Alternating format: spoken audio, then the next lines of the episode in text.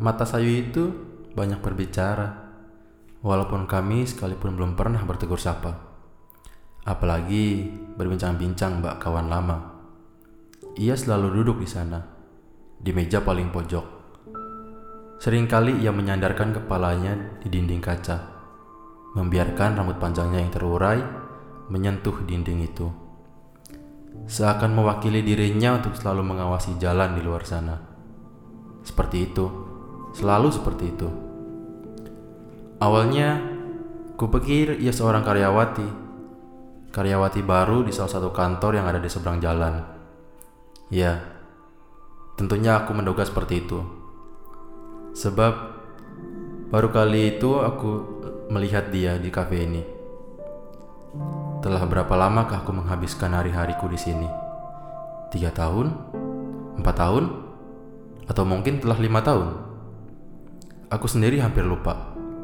Berapa lama aku mendedikasikan hidupku untuk sesuatu yang disebut pekerjaan. Dan pastinya, baru kali itu aku melihatnya di sini, di kafe langgananku. Ia selalu duduk di bangku yang sama, menu yang sama, yaitu secangkir kopi dan sepotong kue, yang nyaris selalu tak ia sentuh. Mata sayunya selalu fokus menatap jalan di luar sana, seolah-olah tengah menghitung berapa mobil yang lewat. Ah, tidak. Tentu dia menunggu seseorang. Ya, mungkin saja ia tengah menunggu seseorang. Kekasihnya kah? Suami? Teman? Rekan bisnis? Ah, aku lebih baik yakin ia tengah menunggu kekasihnya. Mungkin mereka telah membuat janji untuk bertemu di kafe ini. Sayangnya, duga itu terus kubuang jauh-jauh. Berapa lama seseorang mau menunggu kekasihnya menempati janji kencan mereka? Satu hari? Satu minggu? Satu bulan? Atau seperti perempuan itu yang setelah tiga bulan setia menunggu di sini. Saban petang, saat jam berada di angka tepat pukul 4 sampai pukul 6. Ah, tentu ya seorang kekasih yang demikian setia. Namun, lama-lama aku menjadi iba dengan dirinya. Ah, tidak. Mungkin pula tertarik atas perilakunya. Oh, tidak, tidak. Aku suka dengan matanya. Sepasang mata sayu yang setia mengawasi jalan di luar sana. Mata sayu yang tiba-tiba begitu banyak melontarkan cerita. Mata sayu itu begitu mencuri perhatianku. Mulanya aku tak bisa memahami cerita dari mata sayu itu. Lalu mataku menafsirkannya dengan begitu baik, dan aku terhanyut, tersentuh hingga seluruh rindu untuk mendengar cerita dari mata sayu itu. Cerita pertama yang aku dengar dari mata sayu itu adalah tentang alasan mengapa perempuan itu duduk di sini, menatap jalanan, dan memilih jam di antara pukul 4 sampai 6 petang. Rupanya dugaanku sedikit benar. Ia memang menunggu seseorang Sayangnya, ketika aku tanya, mata itu siapa yang ia tunggu? Mata itu bungkam dan tak ingin bercerita.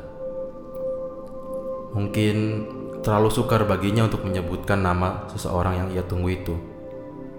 Ketika aku tak memaksa untuk menyebutkan orang yang ia tunggu itu, mata saya itu kembali mau bercerita.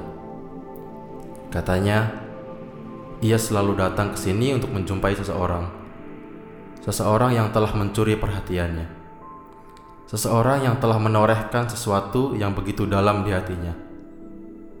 Ah, tentu itu cinta, tebakku. Mata saya itu terdiam. Cukup lama ia diam. Mungkin ia mengingat atau merenungkan ucapan yang baru saja aku lontarkan. Apa mungkin memang cinta yang tertoreh di sana? Bisa jadi. Bisa jadi memang cinta yang tertera di hati, ujar mata sayu itu. Aku tersenyum kecil mendengar itu.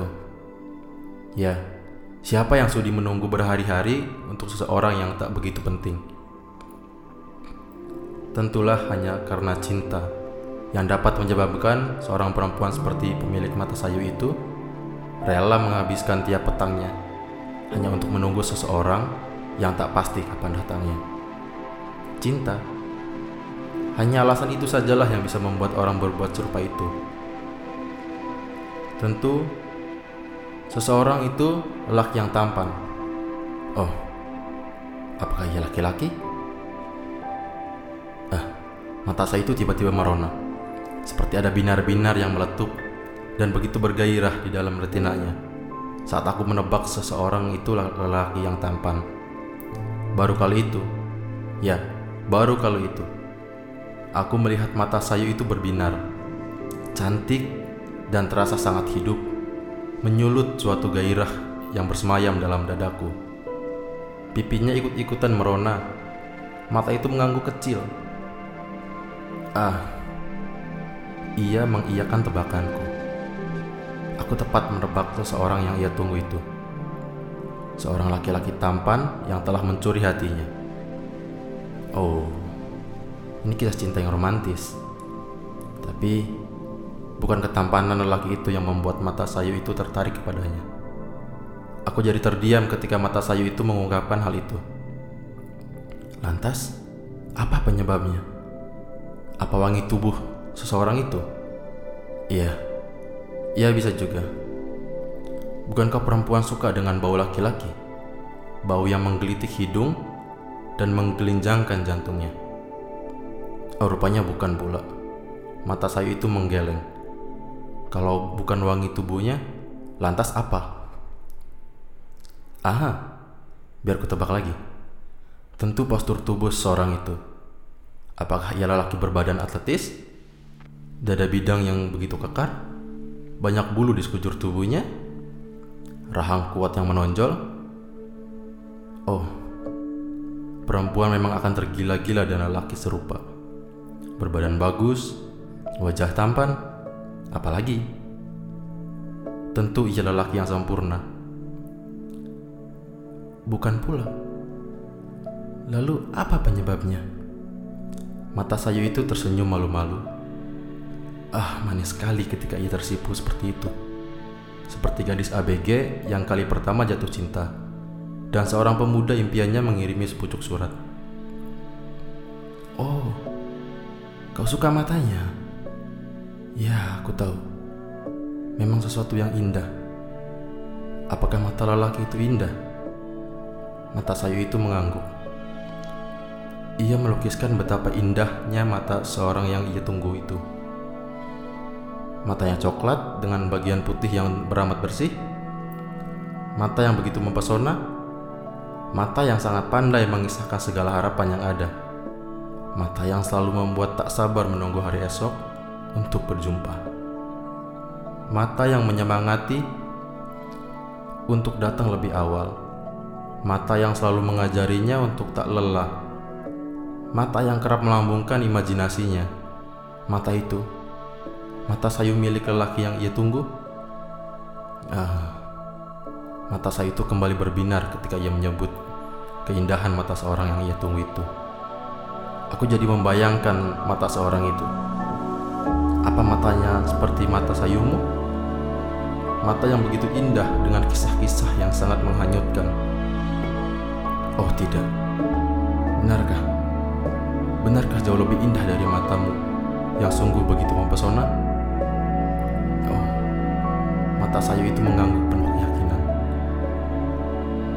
Tak dapat aku bayangkan mata seseorang itu kalau matanya jauh lebih indah dari mata sayu perempuan ini.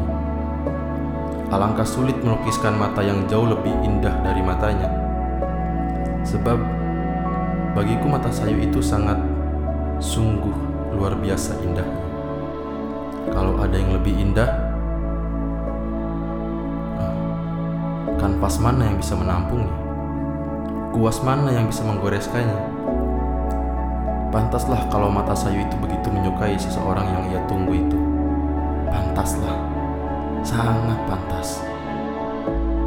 Kini barulah ku paham Mengapa perempuan pemilik mata sayu itu rela berhari-hari menunggu seseorang itu? Ya, seseorang yang sangat istimewa.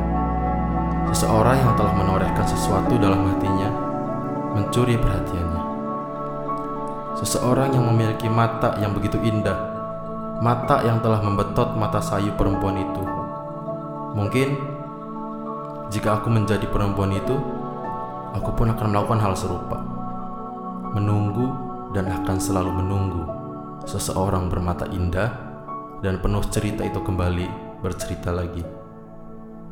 Itulah mengapa aku semakin rajin datang ke kafe ini setelah pulang dari kantorku di seberang jalan sana. Aku ingin menemui mata sayu itu, mendengarkan kembali cerita-ceritanya, dan menikmati betapa indah bola matanya. Selain itu, aku ingin menemaninya, menemani bola matanya.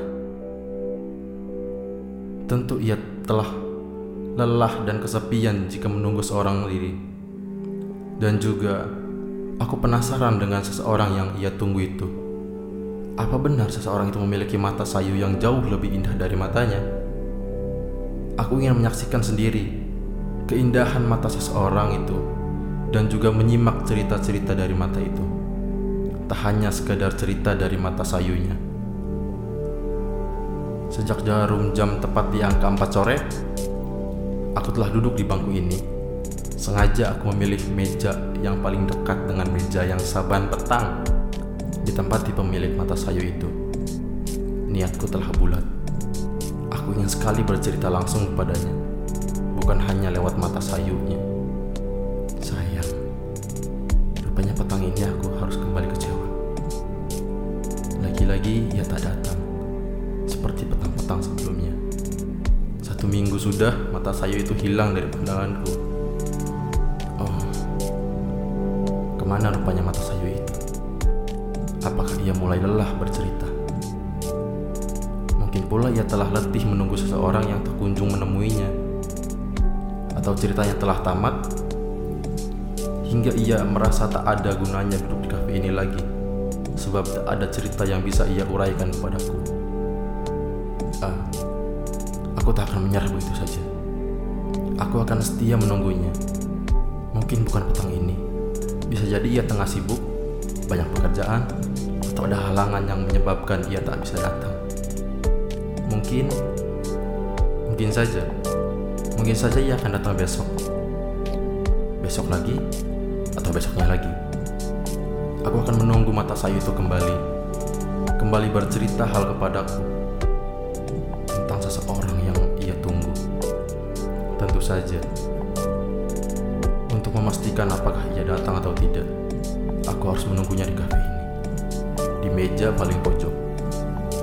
Meja yang bisa membuatku leluasa menatap jalan di luar sana. Dari jam 4 sampai 6 petang. Aku harus di sini. Memesan kopi dan sepotong kue, lalu menyandarkan kepala di dinding kaca sembari memutar kembali semua cerita yang ia uraikan di mataku. Mataku yang menjadi sayu karena hanyut akan cerita-cerita itu.